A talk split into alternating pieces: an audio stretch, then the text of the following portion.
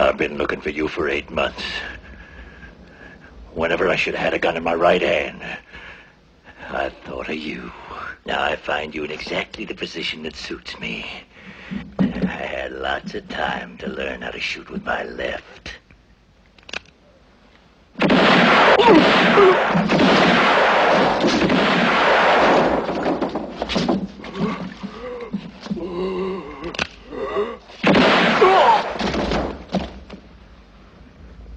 When you have to shoot, shoot, don't talk.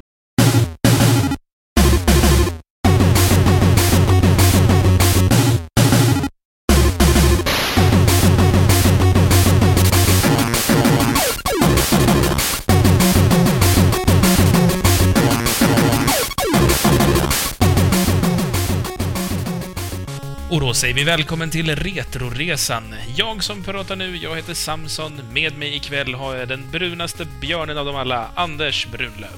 Hallå, hallå! Hur är läget, Anders? Jo, det, är, det är bra, även, även i Bollnäs, så att säga. Det Eh. Det är lite för sent och så är jag lite sur över att de inte har Jolt-Cola kvar på videohallen. Ja, det är hemskt det där med Jolt-Colan. Alltså, jag är, den är borta från min lokalkiosk också. Ja, det är just den här veckan så, så liksom vart det sant egentligen att de har gått i konkurs. Nu var det slut hos tillverkaren, så det, ja, det är, en, det är en tung dag. Men men, Ja, Anders, idag så kommer vi prata om Gunsmoke. Eh, Och så ska vi förstås ta oss vidare i Final Fantasy 7-resan. jajamän. Eh, I vanlig ordning så brukar vi börja med att vi tar upp lite lyssnarbrev ja, innan vi sätter igång med det här schemat. Mm. Den här gången så ska vi dock inleda med att ta ett litet allvarligt snack.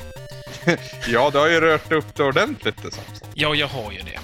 Eh, Retoresan i podcastform eh, föddes ju dels ur Anders tidigare blogg, men också ur Savepunkt, som var min första podcast. Och Savepunkt har nu tagit en paus. Alltså, den, vi, vi kommer inte göra några fler Savepunkt-avsnitt förrän vi har bestämt oss hur vi ska göra med Savepunkt i framtiden. Just. Eh, så den är liksom på en obestämd paus. Givetvis så är det väldigt många människor, eller framförallt väldigt många lyssnare snarare, som har blivit lite nervösa över hur går det med Retroresan. Eh, och där kan vi väl en gång för alla gå ut och säga att Retroresan påverkas inte alls av Savepunkt, utan vi kör på som vanligt, du och jag. Precis, precis. Ni behöver inte vara oroliga. Även om, även om det ibland känns som att man behöver ha en semester så det är alltid skönt på fredag när allting är klart och avsnittet kommer ut och så får man sådana här underbara kommentarer som vi snart ska gå in på. Då, då känns det värt det. Ska jag också tillägga så att nu har, var det ju faktiskt ett tag sedan vi också kom ut med ett ordentligt avsnitt. Ja. Men det, det berodde ju mer på eh, tillfälliga schemaproblem. Det har varit väldigt knackig period de närmaste månaden i alla fall. Eh, Ja, alltså jag har fått mer att göra och du också, så det blir Ja. svårare och svårare att få scheman att gå ihop. Men poängen med Retoresan är att vi ska få det att gå ihop. Eh, Vi är bara två personer, så någonstans borde man alltid kunna hitta någon slags kompromiss. Plus att förarbetet för det här, det handlar ju mest om att spela ett kul spel. Ja. Och det, det känns ganska så bekvämt och lagom. Det får man ordnat under en vecka utan problem. Förhoppningsvis är det kul i alla fall det där spelet. Det har ju varit i andra änden också. Jo, fast då är det rätt kul också, för då samlar man ju på sig allt hat som man kan sen få strömma ut bara när vi väl kör. Ja, det är sant. Ja, nog om det. Då tycker jag vi tar och tittar i postsäcken, Anders. Jajamän, och då har vi ju som sagt två avsnitt att hämta ifrån. Eh, vi börjar i rätt ände. Från Conkers-avsnittet blir det då och vi går in på vår hemsida för att läsa dem. Eh, där har Lefyrius ifrågasatt eh, att du sa att Atari 2600 är snyggt. Men det är det ju. Eh, han tycker att det är hemskt ful. Känns som tidig 2D och de hade alldeles för lite kraft att göra någonting och de hellre skulle ha hållit sig till textbaserade spel, skriver han. Jag tycker han har helt fel. Jag gillar de här frimärksblocken till pixlar. Jag tycker det är jättesnyggt. Sen så fortsätter han vara lite så här. äh, Jag vet inte, han hade lite attityd den här gången, Lefyr. Han tycker också att uh, Python-tidningen är en hemsk tidning och att han köpte den en gång men aldrig mer. Jag är inte heller något fan av den, kan jag säga. Nej, nej. Vi kan väl gå med lite där istället så slipper vi bli ovänner. Ja, det är, inga, det är inget kul. Precis. Eh, sen för, förklarar han lite för mig faktiskt vad som hände med en pizza som jag lämnade i kylen över natten. När den förvandlades sådär magiskt. Ja, just det. Det blev, vad heter det, umami eller något sånt där. Ja, någonting sånt där. Jag har inte ordet framför mig just nu. Ni kan gå in och läsa om, om ni vill veta mer om det. Eller Fyrus verkar vara påläst i ämnet. Ja, Det är väl den här berömda femte smaken. Som det snackas om. ja, just det. Mm, du vet, det finns salt, det finns surt, det finns beskt, det finns syrligt kanske. Ja, jag, Och sen finns det... Ja... Onagi. var, det, jag vet inte vad det var, det, var det inte för bara något år sedan man kom fram till det? Att det fanns en femte smak?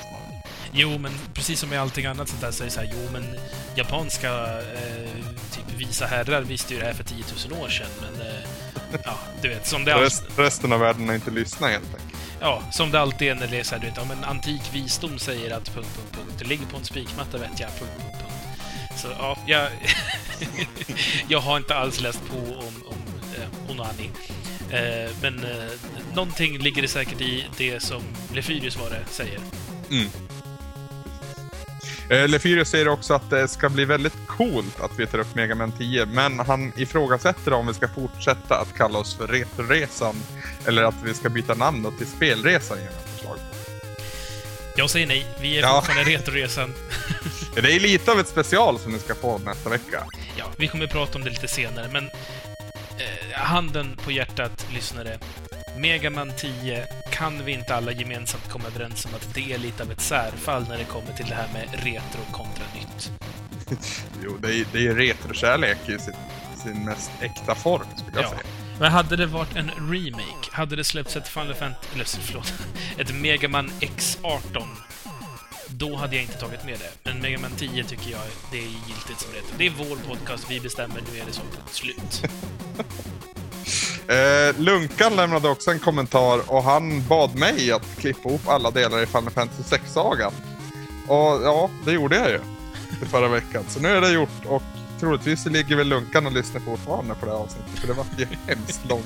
Var det fyra och en halv timme eller sånt där? Ja, mer.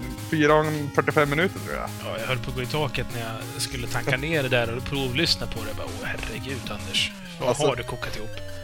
Eh, Du vet hur bra iTunes funkar tillsammans med en PC va? Mm, oh ja. När det handlar om sådana stora filer också, eller sådana långa filer, så det blir inte bättre kan jag. Vi går vidare. Careface dyker upp igen och han skriver att han har svårt att hinna med i mitt tempo i Final Fantasy 7-resan. Eh, jag tycker personligen att just den här sagan har gått extremt segt i början. Eh, och jag tycker inte att det tar mig någonstans. Eh, han skriver i alla fall också att han gillar Aris temalåt och här har jag också svårt att hålla med faktiskt. Eller, det är inte en dålig låt på något sätt, Aris temalåt, men eh, jag tycker det finns bra många spår som är bra många strån vassare. Jag, jag säger så här Anders. Ehm, det kommer komma scener framöver där den musiken används. Mm. Och när du ser de scenerna och hör musiken där, då kommer du förstå vad det är Careface känner när han hör låten. Ungefär samma effekt som eh, Celeste-temat hade i Fantasy 16. För det Ja. var inte så starkt till en början, men när det började dyka upp på ja, vassa ställen så att säga, så vart det ju mycket starkare också. Ja, jag tycker, jag tycker det är samma sak med Terras Theme också. Så när man hör det första gången så är det ju när eh, robotarna går i snön. Mm. Och visst, det är. Det är liksom, ja visst, det funkar liksom. Man vill liksom bara börja spela. När man har klarat spelet och kollat på introt en gång till, då sitter man ju och får gåshud som bara satan. Åh, åh, gud vad bra det här är. Alltså just när robotarna gick i snön, då fick jag gåshud med en gång. Och det, det, då fick jag känslan av att det här är något CP-episkt som jag ska ta mig an just nu. Eh, men det är klart att det, det växer ju till sig det där temat också. Mer och mer och mer och mer och mer. Det slutar ju aldrig vara bra. Sist då på vår hemsida så har vi Oldgast som tyckte att eh, Conkers-avsnittet var ett mycket bra avsnitt. Eh, han blev visst lite ledsen när vi hackade så mycket på Nintendo 64 men samtidigt så håller han med oss om att kontrollen till den konsolen är helt värdelös. Så, ja. Det är väl, vi- är väl att sparka på hans barndomsbaby misstänker jag. Jag ser framför mig att du och jag faktiskt står rent fysiskt och sparkar på ett spädbarn. Det är väldigt roligt. Ett sånt där illgrönt spädbarn som Nintendo 64-gröna där. Ah, blåa var de flesta jag såg. Jag kommer bara ihåg den här röda kontrollen jag hade i min hand nu. ja, det var inte kul. Men däremot var ju Conquers faktiskt bra. Så nu har vi, nu har vi ju snart en handfull spel till den konsolen som faktiskt är värda att spela idag. Ja, några stycken. Eh, Aloysius har ju skrivit en hel del på våran forumtråd på Gameplayer. Eh, mest skriver han ju om spelet vi ska komma in på senare, men han undrar också, eller han ställer också en fråga till oss. Och den är, går kort och gott eh, vad vi skulle tycka om en Final Fantasy 7 Remake. Ja, jag säger kör på. Eh, skadar ingen.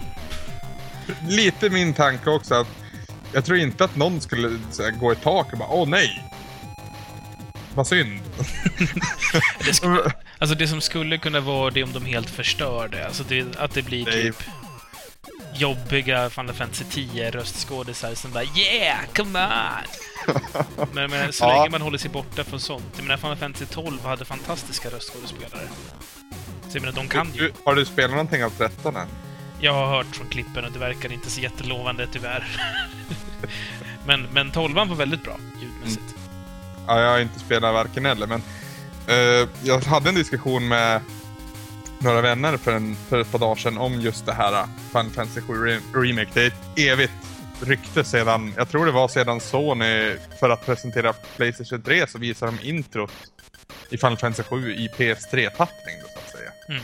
Folk har ju gått bananas. Men Senast är det väl att eh, bossarnas boss på Square Enix har sagt att eh, det är en möjlighet eftersom det är som ja, tryck efter.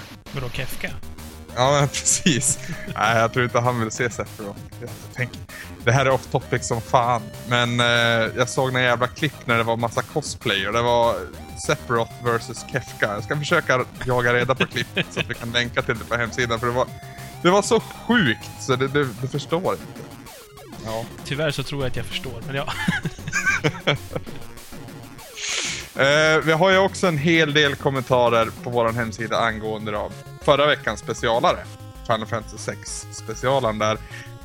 Kortfattat kan man väl säga att folk har reagerat på att det var ett långt avsnitt. Det är väl inte mer än så egentligen. Eh, och det Långt var och bra. Långt och bra. Och ett fantastiskt spel. Jag tror jag sa fantastiskt säkert eh, 20 gånger under mitt intro. Men det är fantastiskt och alla bör spela det. Eh, slutligen så ska vi gå in då på en ny sida. Eh, ett, ett nytt forum som heter We Are Gamers. Det är ett gäng, ja, från Gameplayer-gänget från början, vad, vad jag förstår. Eller från Gameplay-forumet som har startat ett nytt forum som heter wearegamers.se. Och där har vi fått en alldeles egen liten fin tråd. Eh, forumet i sig är väldigt skönt. Det är mycket folk man känner igen, mycket roligt folk. Och så har vi då våran tråd och där har både Kletet och Careface lämnat mycket kärlek där. Eh, Kletet skriver att Retresan är så sjukt jävla bra och att det inte finns en tråkig stund med oss. Det är, eh, det är kul. Jag tänker att kanske Kletis ska få klippa våra avsnitt i fortsättningen. Jag tror det. Kan vi inte anlita han? Jag tycker det låter som en fantastisk idé. Så kan han få lite så här uh, backstage fever också. Careface håller med Kletet. Han har haft eh, Final Fantasy 6 avsnittet med sig sen i fredags och det tar aldrig slut och skönt även där skriver han. Det tar ju slut. Fast det känns Men- inte som det. Jag, har- jag har inte orkat lyssna igenom hela faktiskt. När han har lyssnat klart på hela så kan han börja om igen för han glömt bort vad jag sa i början. Så Åh, gud ja. ja. Nej då, men eh, jag tror vi nöjer oss så för den här veckan Samson och så pangar vi in på näst, nästa spel i ordningen istället.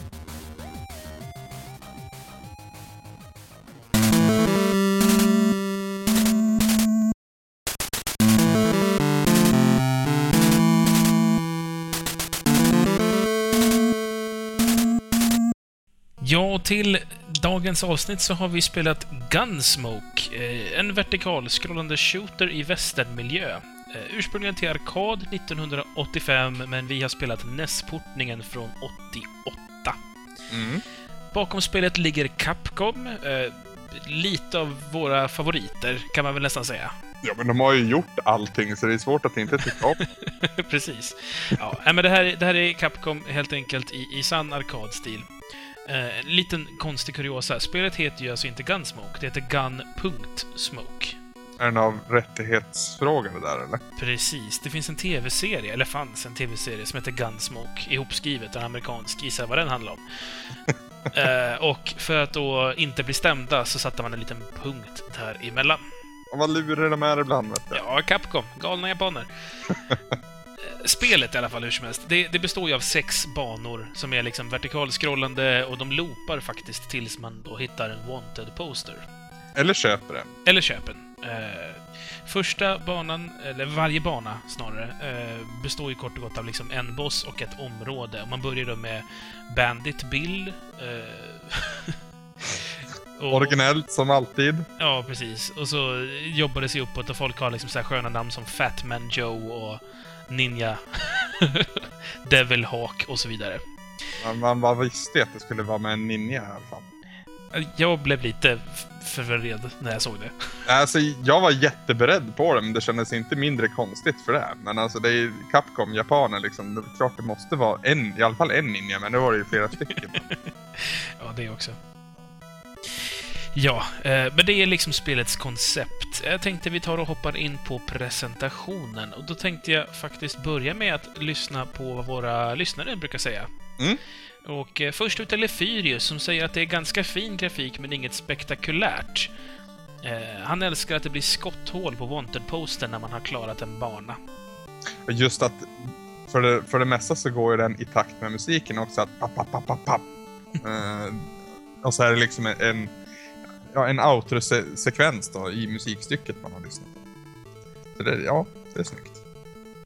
Aloysius fyller i med att han tycker att den håller bra NES-klass, men eh, tyvärr är den ganska variationslös. Det är ju samma underlag man går på bana 1, 3, 4 och 5. Som han säger då, på den gamla 8-bitars-tiden var man ju inte bortskämd med miljöbiten, så man blev ju glad och tyckte det kunde kännas fräscht bara man bytte färg på den. Eh, Men inte ens det hade de gjort. ja, ehm, ja, jag håller väl med där. Alltså, grafiken är ju liksom funktionell på sin höjd. Jag tycker inte den, den är särskilt vacker någonstans. Kanske att de här posterna ser ganska tjusiga ut. Ja, eh, nej alltså det är mest att den gör sitt jobb tycker jag också faktiskt. Jag tycker inte att den sticker i ögonen på något sätt utan det liksom allting känns logiskt uppritat på något vis. Men det är ingenting som är bländande vackert eller någonting. Sen stör jag mig inte alls på hur, hur sanden är uppritad utan eh, det är ju liksom sand och det är väl en hel del sand i västen på den tiden misstänker jag. Ja, jag, vet inte. jag tycker hästen är jävligt ful. Tycker du det? Ja, fet. Ser bara ut som en, en snubbe med jävligt tjocka lår. Det där är en väl, välgödd häst. Den, den mår bra, det ser jag på en gång. Ja, du är ju hästmannen av oss, så det är Ja. du som har koll på det antar jag. Har lite insyn faktiskt. Någonting jag reagerade på, det var... eh, när det blir små explosioner, som det blir till och från, Mm. på skärmen, då, då blir det en skugga under dem. Och Mm. det kan jag väl köpa. Jag menar, när det är rökpuffar och sånt så, så det ju, säger det sig självt att det blir en liten skugga liksom under dem. Men explosionerna i sig ser ju ut som såna här extraprisskyltar. du vet, bara så här typ en boll som är spretig, typ. Rabatt 20%. Ja, precis. Ja. Och, och när det dessutom då ligger en skuggning som är exakt samma sprite fast svart under, då blir det verkligen som att man har, vet, som, som de brukar ha då också, så här extraprisskyltarna. att det är en liten så här effekt. Så jag gick runt och tyckte det var extrapris hela tiden när jag satt och spelade. Ja. Vi tar och tittar lite på ljudet istället. Ja, jag fortsätter i samma spår, så jag börjar med lyssnarna och Lefyrius tycker att Capcom eh, generellt brukar göra mycket bra musik och det här är inget undantag. Eh, jag är beredd att hålla med, men jag tycker mest det är första banan om jag ska vara ärlig. ja. Exakt, det är första banan som man kommer ihåg. Så nu, nu var det ett tag sedan jag i alla fall spelade här i och med att vi skulle göra det här avsnittet förra veckan egentligen. Men det är första, första spåret, första banan man, man kommer ihåg. Inte minst för att jag inte riktigt fattat att man var tvungen att hitta den jävla wanted-posten så att jag gick och loopade den där jävla banan i säkert kvart. Det var ingenting som jag kände till heller, kan jag säga på rak hand. Så, så det, den satte ju sig vare sig man ville eller inte. Men det är ett väldigt bra musikstycke. Sen tycker jag att de andra låtarna, det finns par, två kanske, som är riktigt bra. Sen är en, lika många riktigt jävla urusla också. Och framförallt monotona och jävligt tjatiga. Ja, Aloysius säger att musiken är väldigt bra, eller så är det bara nostalgin som talar. Mm. Jag tror att det är faktiskt mest nostalgin som talar. För första banan, som, som alla tar upp, det är den man minns. Och det är den man tycker går att nynna på ibland. Men resten av musiken tycker jag är ganska svag. Alltså visst, det, det, som du säger, det glimtar till ibland, men det är liksom första spåret. Det är där allt krut finns. Sen är det liksom mest... Alltså det funkar ju, man fattar ju stämningen av det liksom. Det är vilda västern och nu är man i bergen och nu är man i indianbyn och så vidare. Så det är ju funktionell musik ur den aspekten. Framförallt så är det ju att det är bara första spåret som riktigt fångar den här västernkänslan. Ja, det är den som verkligen känns såhär Sergio Leone Precis. Spelupplägget är att scrollningen eh, liksom rullar på av sig själv och du är hela tiden vänd åt samma håll. Så du kan ju bara skjuta antingen snett åt höger, snett åt vänster eller rakt fram ifall du trycker ner båda knapparna samtidigt. Fattar du det här på en gång? Jag märkte det ganska så snabbt för jag har så tjocka fingrar så jag kom åt båda två samtidigt. Alltså, jag märkte det inte på en gång, men det var ingenting jag led av kände jag. Utan jag behövde nästan aldrig skjuta rakt fram, utan jag liksom... När fienderna kom strömmande mot mig så var jag, försökte jag hålla mig undan från deras skott samtidigt som jag sköt på dem naturligtvis. Och då fanns det alltid liksom möjlighet att skjuta antingen till vänster eller höger för att ta ner dem. Så att jag behövde aldrig skjuta rakt fram. Jag behövde och behövde. Jag tyckte mest att det var bekvämt att ha det, för då kunde man liksom... Det kändes som att det var väldigt svårt att misslyckas när man hade sån stor frihet i vad man ville skjuta och ändå kunde röra sig fritt liksom runt omkring. Ja, det var inte direkt att jag vart arg när jag upptäckte att det gick att skjuta rakt fram, men eh, ja, jag tyckte liksom ändå att hade det inte funnits så hade inte det gjort så mycket, men ja. För mig, för mig hade det nog gjort lite grann, för jag känner att vänster-högerskotten, man, man lär sig spela med dem, men det är bekvämare att kunna köra rakt fram. Framförallt så, när det gäller bossarna så blir det mycket vänster-höger-skjutande, för då vill man i alla fall inte stå precis framför dem. Nej. Men fienderna på banan kunde liksom bli irritationsmoment, att man först var tvungen att springa ut åt vänster för att kunna skjuta den överhuvudtaget, om man var precis framför dig liksom. Aloysius säger i alla fall eh, han tycker att man liksom svävar fram över gruset, så spelet känns nästan som en rymdshooter. Det har han väl lite rätt i. Ja, alltså det är ju... Byter man paletten, så att säga, så att det här är, utspelar sig i rymden, så, så är det ju rakt av en sån shooter. Det är ju ingenting egentligen som säger att du är i vilda västern och att du går. Mer än att det är faktiskt den grafiken vi får se. Undantaget är ju på den banan där man kan hoppa ner den här lilla ån, där det går lite saktare att springa i ån. Mm. Eh, I övrigt så är det ju i princip en rymdshooter genom ganska så smala korridorer, måste jag säga, i jämförelse med vad det brukar vara. En väldigt avlång stad han går i första banan med. Ja, och ibland är den så pass stor, eller jag tror att den är byggd i en cirkel så att man går runt, runt, runt. Typ att det är så svag lutning som man inte ser det riktigt. ja, just det. Så jag måste säga, alltså, jag, jag är en idog skjutare i sådana här spel, så det tog ett jävla tag när jag fattade att jag var tvungen att hitta en, en affisch. För att jag, Äh? jag hittade affischen av bara farten de första tre banorna, för jag skjuter så mycket när jag då, när jag springer omkring. Mm. Så det var ju först på fjärde banan som jag loopade några varv och insåg ah, vänta nu, det är något som jag måste göra här. Nej, alltså jag, jag gick säkert fyra varv på första banan. Sen började jag fundera att fan, det här känner jag igen alldeles för mycket.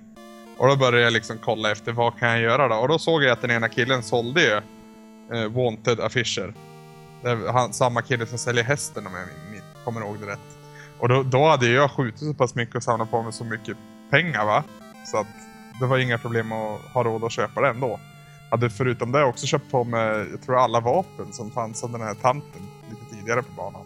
Använder du vapnen mycket? Inte till en början.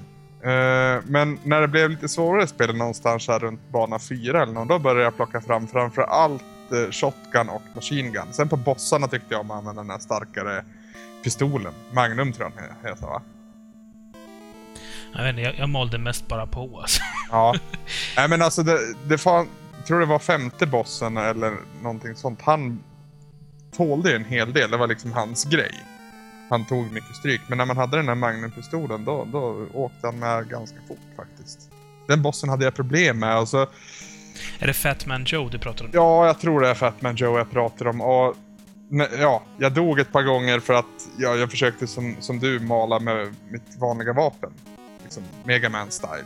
Mm. Man ville klara alla bossar med basten. Men eh, när inte det gick då alltså. Då var det att plocka fram. Jag prövade något nytt och då gick det mer än dubbelt så fort upplevde jag det som.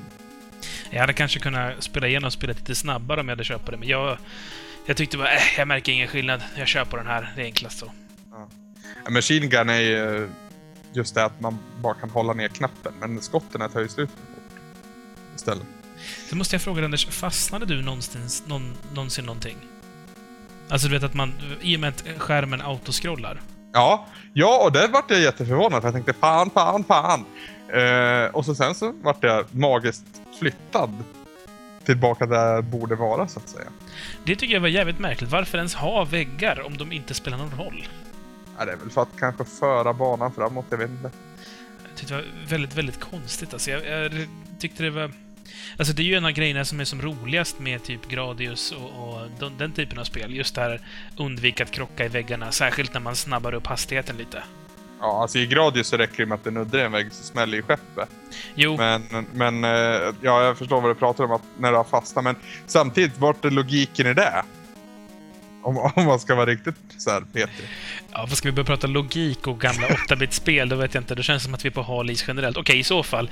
Varför i helvete tar de betalt när jag ska befria deras stad från de här hemska banditerna? För att, ja, fan vet jag, men de har säkert sina anledningar. Tänkte du få förresten den här lilla hinten om slutbossen? Eh, nej. Det, när du pratar eh, med, med, jag tror att det är kvinnan som säljer saker, hon som säljer vapen bland annat. Ja. Så säger hon typ eh, Vi är på din sida i slaget mot The Wingates. Ja. Och slutbossen heter ju Wingate, så mycket vet Ja. du. Eller Wingate kanske. Och hon säger det i plural. Hon säger Wingates. Som att det är två, ja. Precis. Och jag blev så här, varför säger hon det i plural? Jag till och med skrev upp en anteckning. Varför i helvete säger hon det i plural? Du tänkte att det var en klassisk så här, felöversättning bara. Ja, precis. Men tji fick jag. Ja, Ja. faktiskt. Capcom lägger ut små hintar. Jag känner mig som värsta, ja, Da Vinci-koden-snubben. Men då kan man ju fråga sig varför det bara var en nisse på Wanted-posten. Är det för att det är tvillingar då, eller? Jag tror att det kan vara så att... Eller i och för sig, då, då bryter ju logiken här. För jag tänkte att det var så att det är egentligen tvillingar, men ingen vet om det eftersom de alltid klär sig likadant. Ja, just det. Men då vet ju folk om det om hon säger Wingates. Ja, precis. Det kanske gruppen kanske kallas för The Wingates. Ja, ja, jag har för mig att hela, hela gäng. banditgänget kallades för Wingates. Ja, så kan det ju också vara. Ja, det här mysteriet är inte löst än på långa vägar. Elementärt, min kära Watson. Har du sett nya Sherlock-filmen? Ja, det är klart jag har. Den var riktigt Tyckte nice. du det? Jag tyckte om den. Ja, alltså Robert Downey Jr. han går från klarhet till klarhet. då. Men du, eh, nu är det tv-spel. Ja. Klockan är för mycket för inspelning, känner jag. ja. Aloysius pratar lite om gameplay och han säger “Jag vet inte hur mycket spelets lilla twist att man måste hitta wanted-affischerna för bossarna för att få avsluta banan gör för någon som spelar spelet första gången idag.” Eh, Och jag är faktiskt med om där. Jag, alltså, är det verkligen en intressant gameplay-grej? Att leta upp affischen på det här viset? Eh, nej. Kort gott. Däremot så, som det blev för mig idag nu när jag loopade första banan för, ja, fyra, fem gånger. Eh, så då fick jag upp ett enormt startkapital och första banan är inte direkt svår. Så jag behövde egentligen aldrig leta efter någon mer wanted poster utan jag hade kapital nog att köpa den här wanted posten på ja, de banor jag inte kände för att leta. Jag vet, tror det är fjärde banan som är indianbanan, eller är det tredje? Eh, det är fjärde banan. Mm, Nej, då- förlåt. Det är tredje banan, förlåt. Fjärde är ninja-banan. Vid indianbanan så tyckte jag att det här börjar bli, ja inte jättesvårt, men det börjar bli ordentligt utmanande. Det är rätt lätt att, i alla fall jag, klantar till mig och dör. Och jag hade inte så mycket liv att spela på, så då började jag köpa wanted poster. Jag hade aldrig problem att få råd med dem. Att jag fick, dels så fick man rätt mycket pengar under banorna när man bara spelade, och så sen så får man ju en, en klumpsumma när man har dödat sin boss också. Ur den aspekten så kan det ju vara en tanke då att man ska kunna, nu har jag tappat namnen på vad det heter, men gå och harva då. Grinda, kanske? Grinda, tack ska du ha. Gå och grinda pengar så att man kan göra så. Jag vet.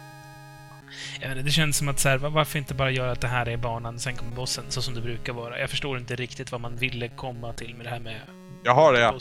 Jag har jag svaret. Capcom förstod också att första, eh, första banan var den bästa beträffande musiken. Så därför lät man, om man ville då, så kunde man ju spela bara den. Ah.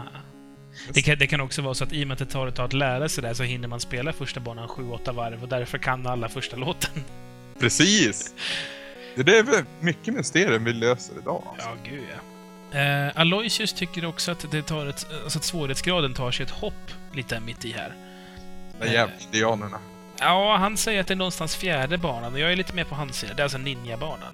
Ja. Alltså, jag- alltså, nog för att det är lite svårare på, på indianbanan än de tidigare, men mellan indianbanan och ninjabanan så är det ett ganska så stort hopp, tycker jag i alla fall. Jag tycker att det blir liksom garanterat svårare på just fjärde. V- vad mystiskt det låter att prata om ninjabanan i ett vilda västern-spel, apropå det här. Jo då. Men, eh, ja. Ja, för indianbanan känns ändå okej på något vis. Ja, alltså cowboys och indianer, det fattar ju vem som helst. Mm. Men cowboys och ninjor? Nej. Det, det, det fattas ju bara att det skulle dyka upp pirater där. Alltså, hade det varit pricken över i. Ja, Aloysius säger ju “Vad gör ninjas i vilda västern? Kinesiska järnvägsarbetare hör ju till västernfaunan, men japanska ninjor?” Ja, eh, Aloysius påpekar också att hästen dör väldigt snabbt för honom. Eh, visserligen så är ju hitboxen större än huvudpersonen, Billy Bob för övrigt. Eh, men han tyckte att det blev lite för överdrivet. Eller så är han ju bara dålig på att undvika kulor. Alltså jag, är, jag är helt med om de här. Hästen eh, dör ju skitsnabbt. För jag, jag lever hyfsat länge som Billy Bob, för han är ganska liten och det är ganska lätt att manövrera runt skott. Men den här hästen är ju typ åtta gånger så stor och har skitfeta Fast- lår. Fast du dör ju på ett skott, Billy Bob.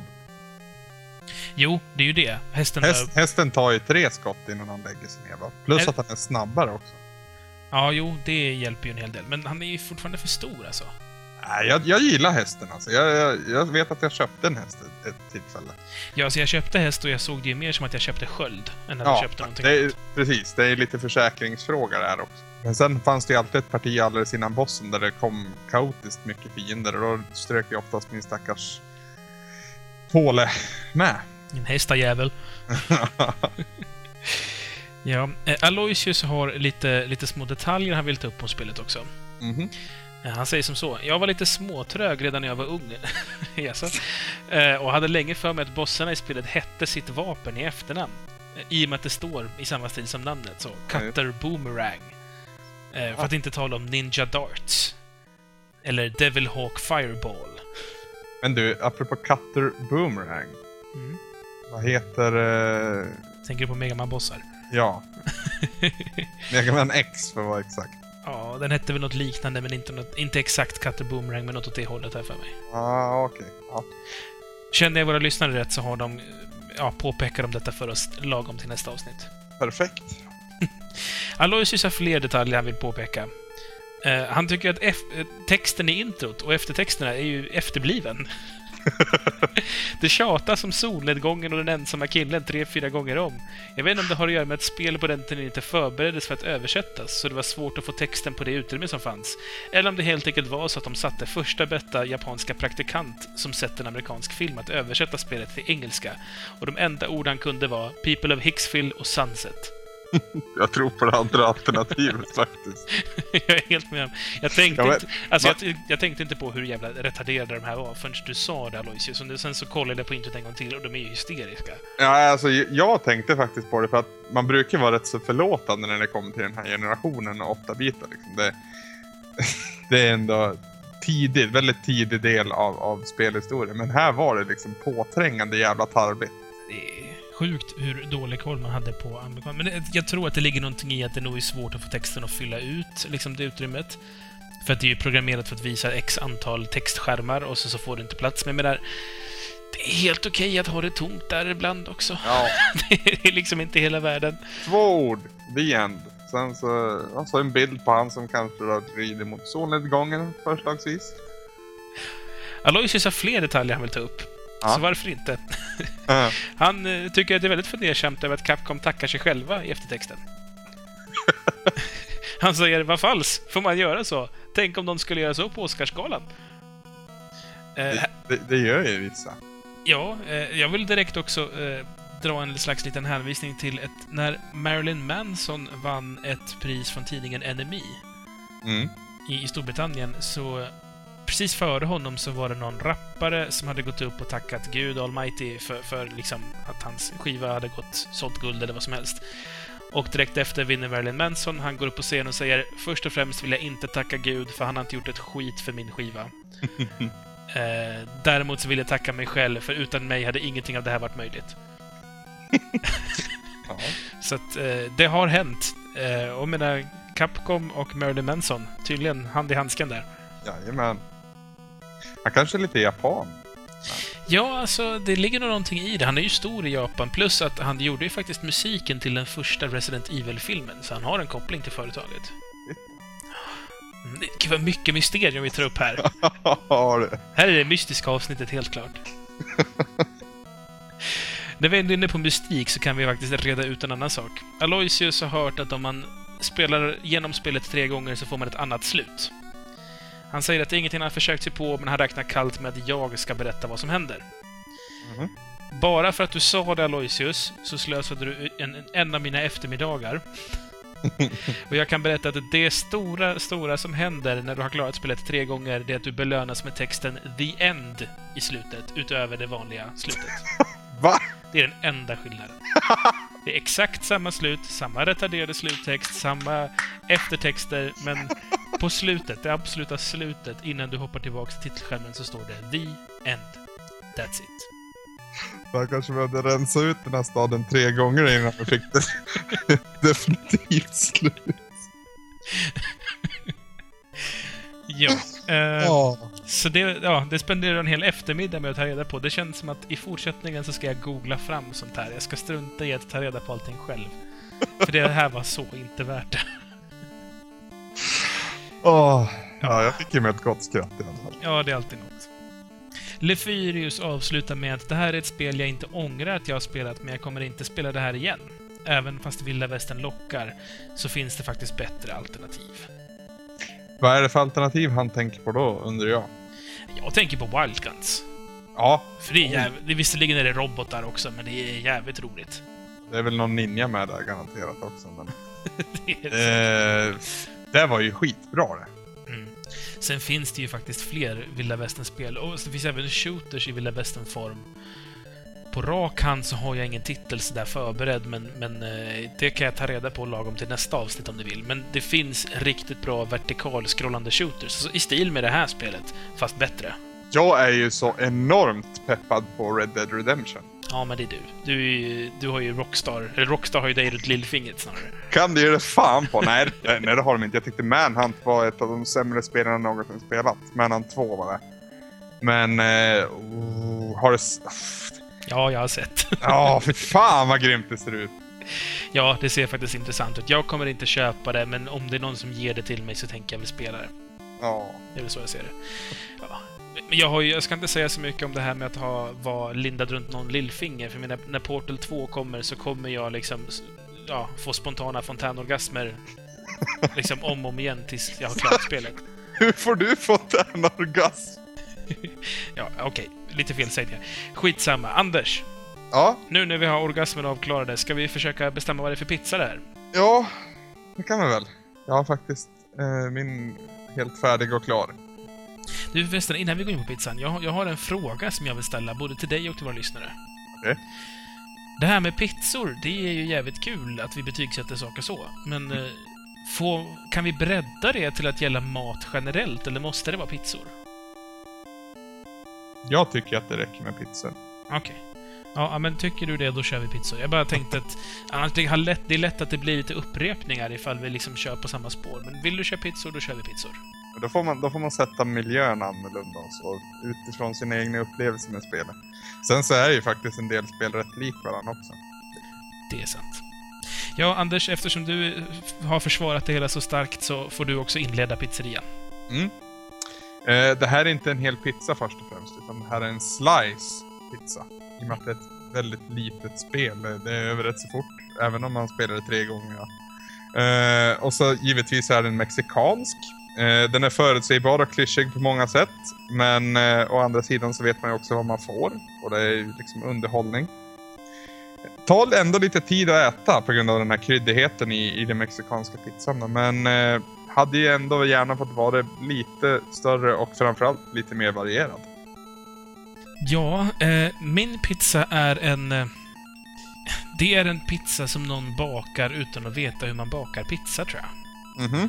Det är så jag ser på det här. Alltså, nu blir, låter det kanske väldigt konstigt, men tänk dig att du har en hemkunskapslektion. Och du vet hur en pizza ska... Förlåt, förlåt, jag kom bara att tänka på fiskgratäng i pizzan. Nej, inget sånt. Men Det tänk var dig, också hemkunskap. ja, det brukar betyda konstig deg. Här är det mest hemkunskap för det ska vara en oerfaren kock. Okej. Tänk dig att det är en hemkunskapslektion. Du ska göra en pizza. Du har aldrig gjort pizza förut. Du vet hur pizzor ser ut. Du har liksom käkat pizza och du har ett recept framför dig hur du ska göra pizza. Och du liksom tänker dig pizzan i huvudet och så, så bakar du liksom din portning av den här pizzan. Så att säga. Och så får du ut den och den ser inte riktigt ut som en pizza. Det ser ut som... som ja, den är rund. Det är den. Det, det är tomat på, det är allt på som ska vara en pizza, men det ser inte ut som en pizza som man köper. Eh, och så smakar du pizzan och den smakar ju okej. Men det smakar inte riktigt som den pizza du skulle vilja att den smakade som. Ja. Och vad det här då symboliserar på något vis.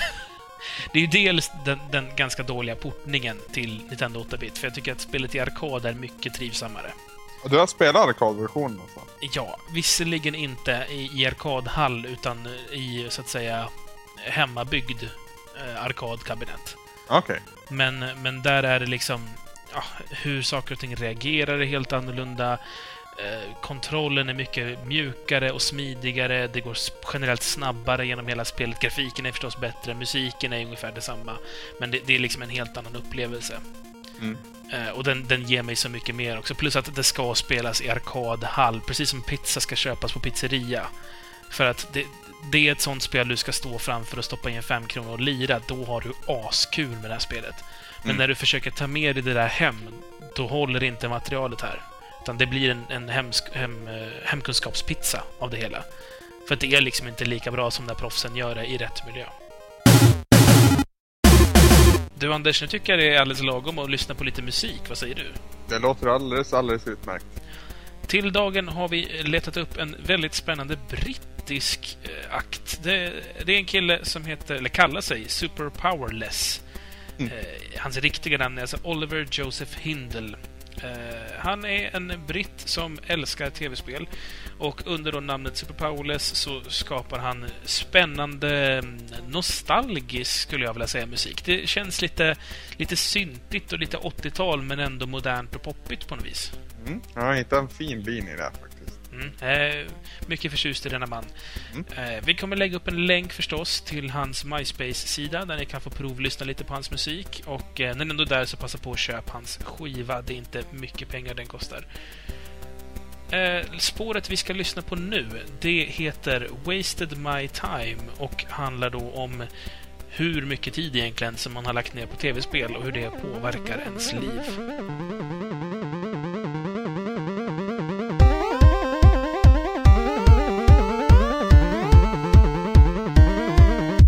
outside.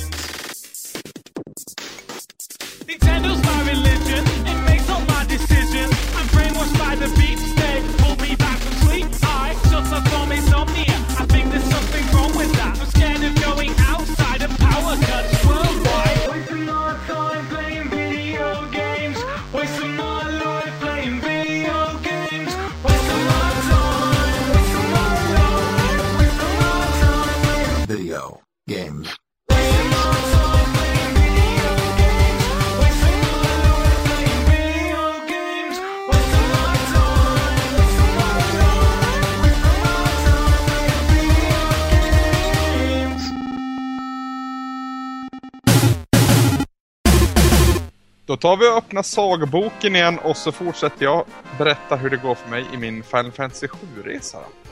Eh, senast vi hörde så var ju mitt party på jakt efter Sephiroth. Eh, och för att kunna fortsätta den här jakten så behövde vi komma över ett stort område träskmark. Eh, vid den här träskmarken så var det ett ormliknande monster som, som vaktade. Eh, och för att komma över det här området då, så behöver vi en chocobo. Eh, de springer nämligen lättare och snabbare än oss människor. Och strax norr om den här träskmarken så finner vi också en chocobo-farm. Tyvärr så har det dock slut på chocobos att hyra ut, men vi får lite tips om hur man går tillväga för att faktiskt fånga en av de här, ja det är väl fåglar, skulle jag säga. Ja, fåglar är det helt klart. Ja, precis. Ehm, och vi handlar dessutom på oss lite sån här ja, mat som de verkar tycka om. Lite nötter tror jag det är till och med. Man kan locka fram dem med. Det är väl greens, kallas de. Typ Gusal greens. Men det finns även någon, någon natt. Alltså. Ja, fast nötter de använder man vid parning, tror jag. Jaha. Ja, Jag kan vara ute och cykla där, men jag minns inte exakt detaljerna. Men jag vet Ja, det- att det finns två olika sorters grejer de vill ha i alla fall. Okej, okej. Ja, utanför den här farmen då så inleder vi sedan våran jakt och eh, eh, snart så visar sig en chocobo. Eh, en av mina partymedlemmar bär ju på en sån här materia som lockar fram den här varelsen och det underlättar ju verkligen. Eh, dock så visar det sig att chocobos är väldigt lättskrämda varelser och de kan dessutom agera väldigt aggressivt om man, om man tigger om det så att säga. Eh, Det tar ett bra tag innan jag lyckas tämja en, men när jag väl lyckas med det här då och kommer ombord så att säga, eller upp, upp på, så kommer jag över den här träskmarken ganska snart, även om man blir lite skitnödig av att se den här ormen slingra sig mot den. när jag kommer över så anländer vi till öppningen av en grotta och här ser vi ganska snart vem som har passerat då en, jag tror det är samma typ av monster, har pålats på ett träd och det är naturligtvis Sephiroth då som eh, har passerat. Väl inne i grottan så dröjer det inte länge innan vi stöter på The Turks igen. Eh, som lite ofrivilligt avslöjar att de likt oss är på jakt efter Sephiroth och att eh, allihopa är på väg till hamnstaden Junon. Och när vi kommer ut i den här grottan på andra sidan då så beger vi oss sydväst mot Junon och under resan så märker jag snart att fienderna på den här delen av kartan de bjuder på lite, lite mer motstånd än tidigare. Och det är någonting som jag faktiskt välkomnar Jag har inte haft så mycket bekymmer med fienderna på kartan hittills. Så det är ändå kul om man inte känner sig helt övermäktig som jag hittills har gjort. Då. Tack vare det här fina samarbetet som mitt party har så tar vi oss ganska snart och smärtfritt till Junon. Eh, och vi hinner inte mer än att komma dit innan vi måste ingripa då en ung flicka behöver hjälp mot ett monster som kallas Bottomswell. Det här monstret eh, ger oss inga större bekymmer där heller. Eh, när flickan är räddad sen då så berättar hon lite om sig själv. Och det är väl främst det faktum att hon är en delfintränare som är värt att ta med därifrån. Eh, efter detta så går samtliga och knyter sig för natten och under natten då så får vi se Cloud drömma. I drömmen så funderar han själv över varför han inte var mer tillmötesgående och ja, mer social mot Tifa den här gången där de träffades för fem år sedan. Det som vi såg i en tillbakablick tidigare. Eh, han får inte direkt något svar på den här frågan utan istället så vaknar han upp och så inleder han en infiltration mot ett torn i närheten. Det här tornet ska stå som centrum för en ceremoni arrangerat av Shinra Corporation. Och där ska självaste Rufus närvara. Rufus är för övrigt alltså, ja, VDn kan man väl säga för Shinra numera. Sedan Ja. Sephiroth döda hans pappa. Precis. För att kunna ta sig upp för det här tornet då, så tar Cloud hjälp av den här delfinen som tränaren som vi hjälpte rår över.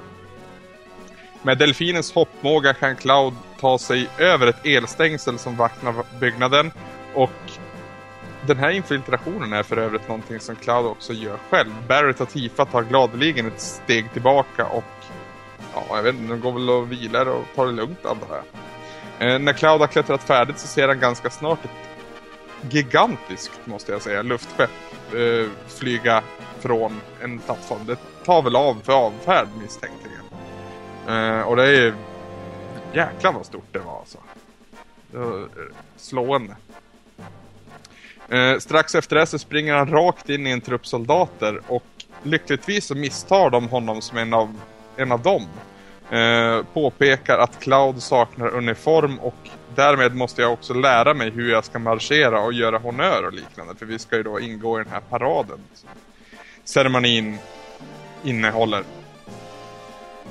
Efter mycket om och men så hamnar Cloud till slut öga mot öga med Rufus och Heidegger. Eller hur säger du det namnet? Heidegger. Låter Heidegger, ja.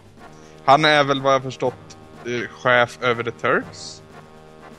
Alltså jag, jag har inte riktigt jättebra koll på hela liksom kopplingen Shinra, Turks, Heidegger och, och allt det här. Men som jag har förstått det så är han väl typ militärisk ledare över Shinra-delen. Alltså han, han, han är chef över Shinras militäriska avdelning. Bland annat då ingår Turks. Ja just det, Turks är väl lite mer FBI-stuket kanske. Ja, de är lite mer... De går ju i så kostymer och har lite så trendiga frisyrer. Ja, precis. Ja, han... Eh, ja. Det är väl inte så mycket mer vi behöver nämna om han.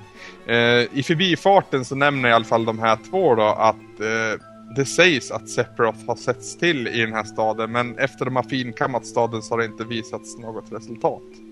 Eh, utöver det så nämner de också att Hojo, den här vetenskapsmannen, han har sagt upp sig och eh, lämnat Midgard. Cloud han följer liksom med strömmen och snart så bordar samtliga ett skepp och det här skeppet ska föra över dem till en ny kontinent i den här världen. Eh, väl ombord på skeppet så upptäcker jag ganska snart att de övriga partymedlemmarna också finns där, alla i förklädnad. Då. Roligast av dem alla det är helt klart Red 13 som, ja han är ju en, ja vad sa vi nu då? Han är en hund, helt Ja, enkelt. han är en hund. Han har i alla fall hur, hur som helst så har han väldiga problem att gå på två ben, men han, han löser det rätt snyggt om jag, om jag ska vara ärlig. Det här roliga, det varar dock inte så länge. Eh, det visar sig nämligen att Sephiroth faktiskt är ombord på detta sk- skepp. Han dyker faktiskt upp mitt framför Cloud, eh, ger dock inga signaler på att han känner igen honom. Istället får vi ställas mot en ny bossfight som kallas Genova Birth. Eh, här vet jag inte riktigt hur jag ska förklara henne. Alltså Genova är ju den här eh, som ja, Sephiroth säger är sin mamma då och en sån här urinvånare. Men vad är det jag slåss mot här Samson? Ja, Alltså, de, man kan kalla de här för Genova-celler, här för mig. Okej. För att du kommer möta flera delar av Genova. De har till och med en speciell fighting-musik, just Genova-fighterna. Aha. Eh, och ja, jag vet inte riktigt vad de är. Alltså, det är ju en koppling någonstans till Sephiroth och den här Genova. Eh, vad exakt de är vet jag inte riktigt. Jag tror att det är liksom någon form av... eh, Ja, alltså någon slags anspråk på, på Genova-genetik som typ inte är helt fullföljt, typ. Okej, jag vet inte om jag har varit så mycket klokare av det. Ja. men... Nej, men det är kopplat till Genova och Sephiroth. Det, jag tror inte vi förstår det bättre än så faktiskt. Nej, det jag har skrivit är liksom att det är en del av Genova. För misstänkligen så kommer jag att stöta på den här uh, urinvånaren igen. Bossfighten i fråga dock, den är ja, en besvikelse jag lov att säga. För att kortfattat för att den är så enkel. Inga som helst problem med hennes attacker och själv så utdelar jag duktigt med skala tillbaka med samtliga partymedlemmar egentligen. Eh, jag hoppades ju när, när liksom jag förstod att oj, nu är det bossfight på gång, att det här skulle bli en riktigt episk fight. Eh, för det är någonting som jag saknar hittills i min Final Fantasy 7-resa. Eh, nu blev det som sagt inte så. Men förhoppningsvis kommer jag då få mina behov matta i framtiden. Du är ju väldigt tidigt i spelet också. Ja, det, det är värt att nämna. Eh, när den här bossen är avklarad i alla fall, då är ju Sephiroth borta ja, för länge sedan egentligen. Eh, skeppet anländer snart till dess destination och den staden heter Costa del Sol. För att snabbt beskriva miljön då så är det väl en riktig semesterort. Sandstränder och solhattar och sånt så långt ögat kan nå. Icke att förglömma den underbara bossanova-musiken. Verkligen. Väldigt kryper in på huden och... Ja. Efter lite utforskande runt omkring i staden i alla fall så ser vi ganska snart ett bekant ansikte nere vid stranden. Och där är Hojo som jag nämnde tidigare. Eh, omgiven med kvinnofolk ligger han och glassar sig i solen.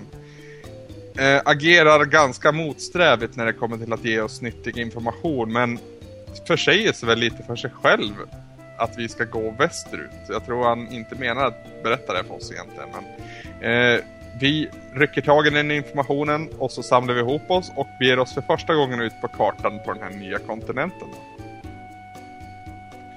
Eh, och vi följer då Hojos tips och vi vandrar västerut. Under den här vandringen så börjar äntligen min materia som jag burit omkring på sen, eh, ja, alldeles i början av spelet. Den börjar i alla fall levla för första gången. Eh, först ut är då Ice och den här känslan av att kunna kasta Ice 2 istället för den vanliga Begin, den är riktigt skön.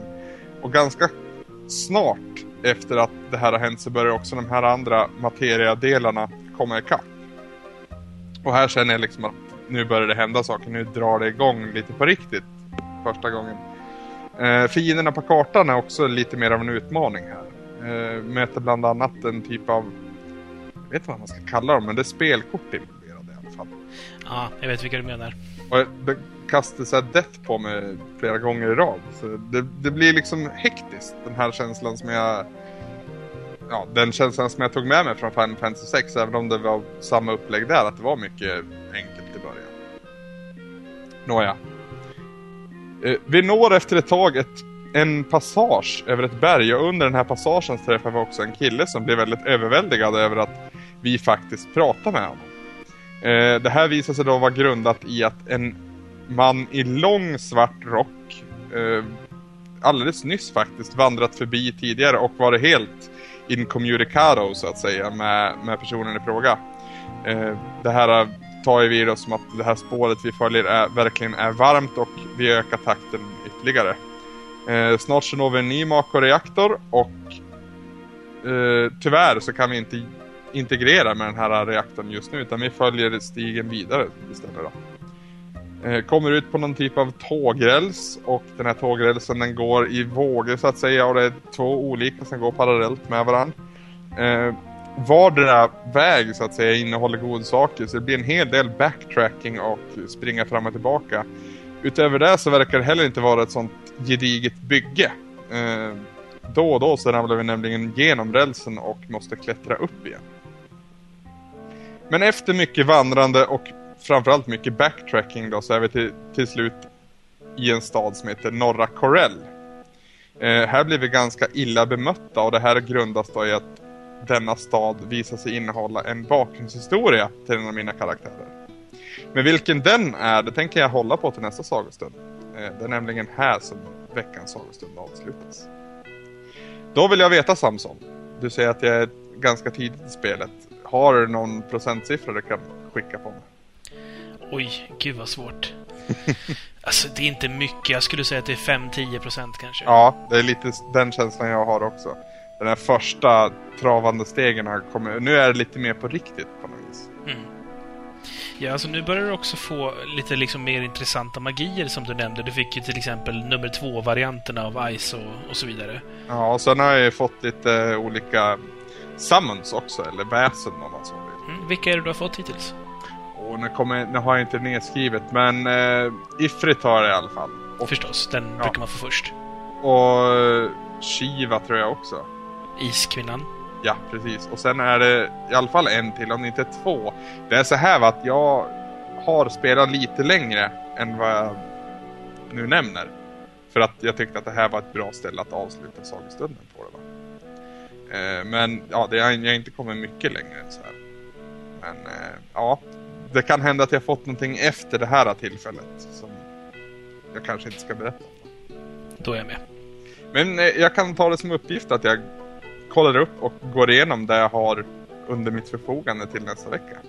Ja, gärna det. Berätta också vad du har för utrustning. Det skulle jag vilja veta. Ja, då ska jag göra det. Kan vi studsa vidare på vad vi ska spela till nästa vecka va?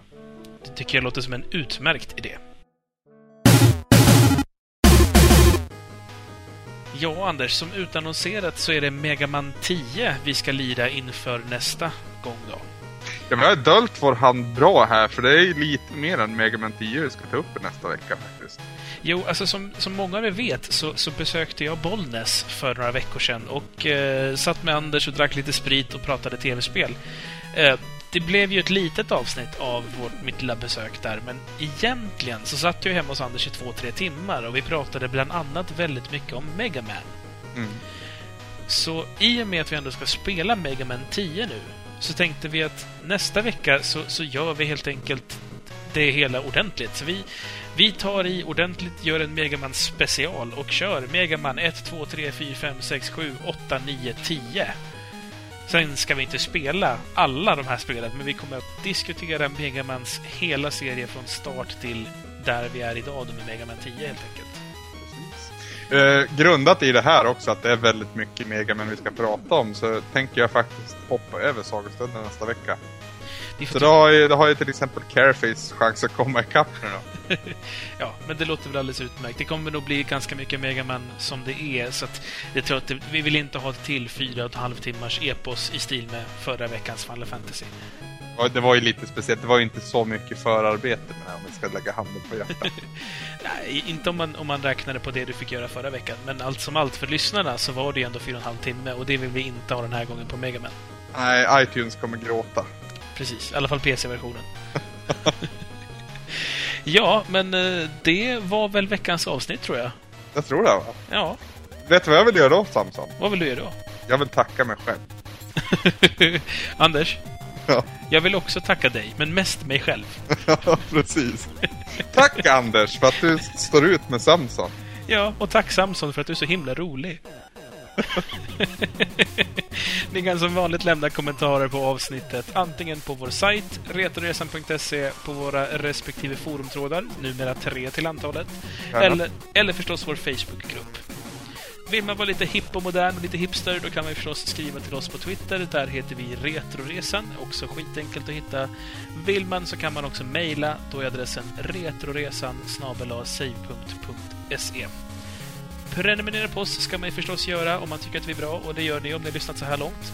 Så ta och klicka på RSS-länken eller iTunes-länken och se till att ni får det senaste avsnittet direkt till er dator, mobiltelefon, MP3-spelare, vad du använder. Ja, nu Anders får vi säga adjö faktiskt. Nu ska jag sätta mig med den blå bombaren faktiskt. Du ska det? Jajamän. Ja, jag ska faktiskt precis gå iväg och handla det, för det har precis slagit över här till första april.